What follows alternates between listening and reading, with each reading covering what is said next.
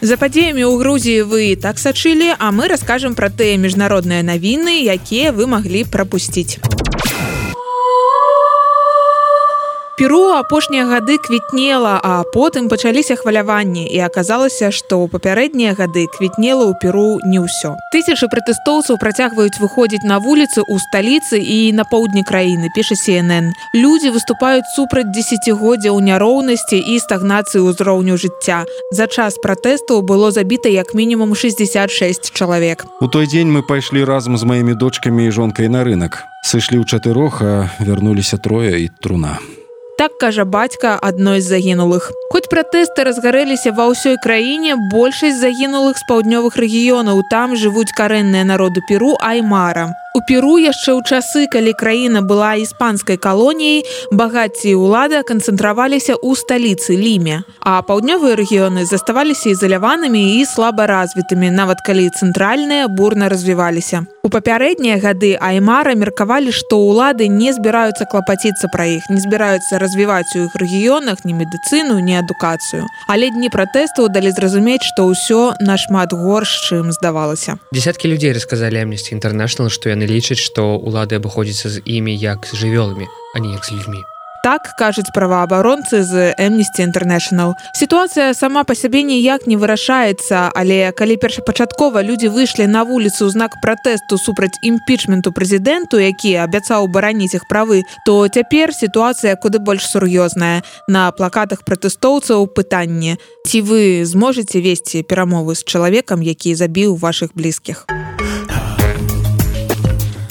А Великабрытанія спрабуе пераканаць мігрантаў не весціся на прапановы бандаў. Тыя абяцаюць пераправіць іх праз ламанш нелегальна і на надзіманых лодачках. Першая прычына гэта проста небяспечна. Людзі гінуць у халоднай вадзе, так і не дабраўшыся да Брытаніі. Другая прычына больш меркантыльная урад шукае спосабы справіцца з міграцыйным крызісам. Сёлета на невялікіх лодках у Брытанію прыбыло больш за 3000 чалавек. Цяпер урад прадставіў законапраект, які тэарэтычна мусіць спыніць людзей ад такіх адчайных спробаў трапіць у каралеўства. Ёсць невялічкая праблема. Закон можа выявіцца незаконным, піша Сенэн. Ён фактычна дае ўраду права дэпартаваць любога, хто нелегальна прыбывае ў Великабрытанію. Міністр унутраных спраў Суэла Браверман прызналася, што не можа сказаць, ці сумяшчальны гэты законапраект з еўрапейскай канвенцыі аб правах чалавека, якую падпісала Великабрытанія. Эксперты кажуць, што падыход гэты спрацуе толькі ў адным выпадку, калі людзі будуць мець лёгкі доступ да бяспечных легальных маршрутаў міграцыі.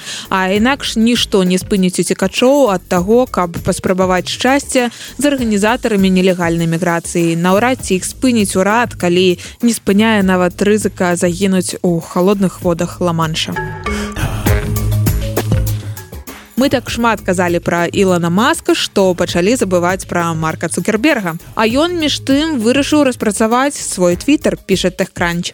Цукерберг хоча стварыць онлайн-прастору, дзе можна будзе дзяліцца цытата своечасовымі навінамі пра свае інтарэсы. Ну, то бок Twitter. Гэта новае прыкладанне пад кодавай назвай P92 ўсё яшчэ знаходзіцца ў стадыі распрацоўкі. Так што у вас ёсць час падумаць, ці так моцна вас пакрыўдзіў Іван Маск, каб сысці ад яго да марка Цукерберга.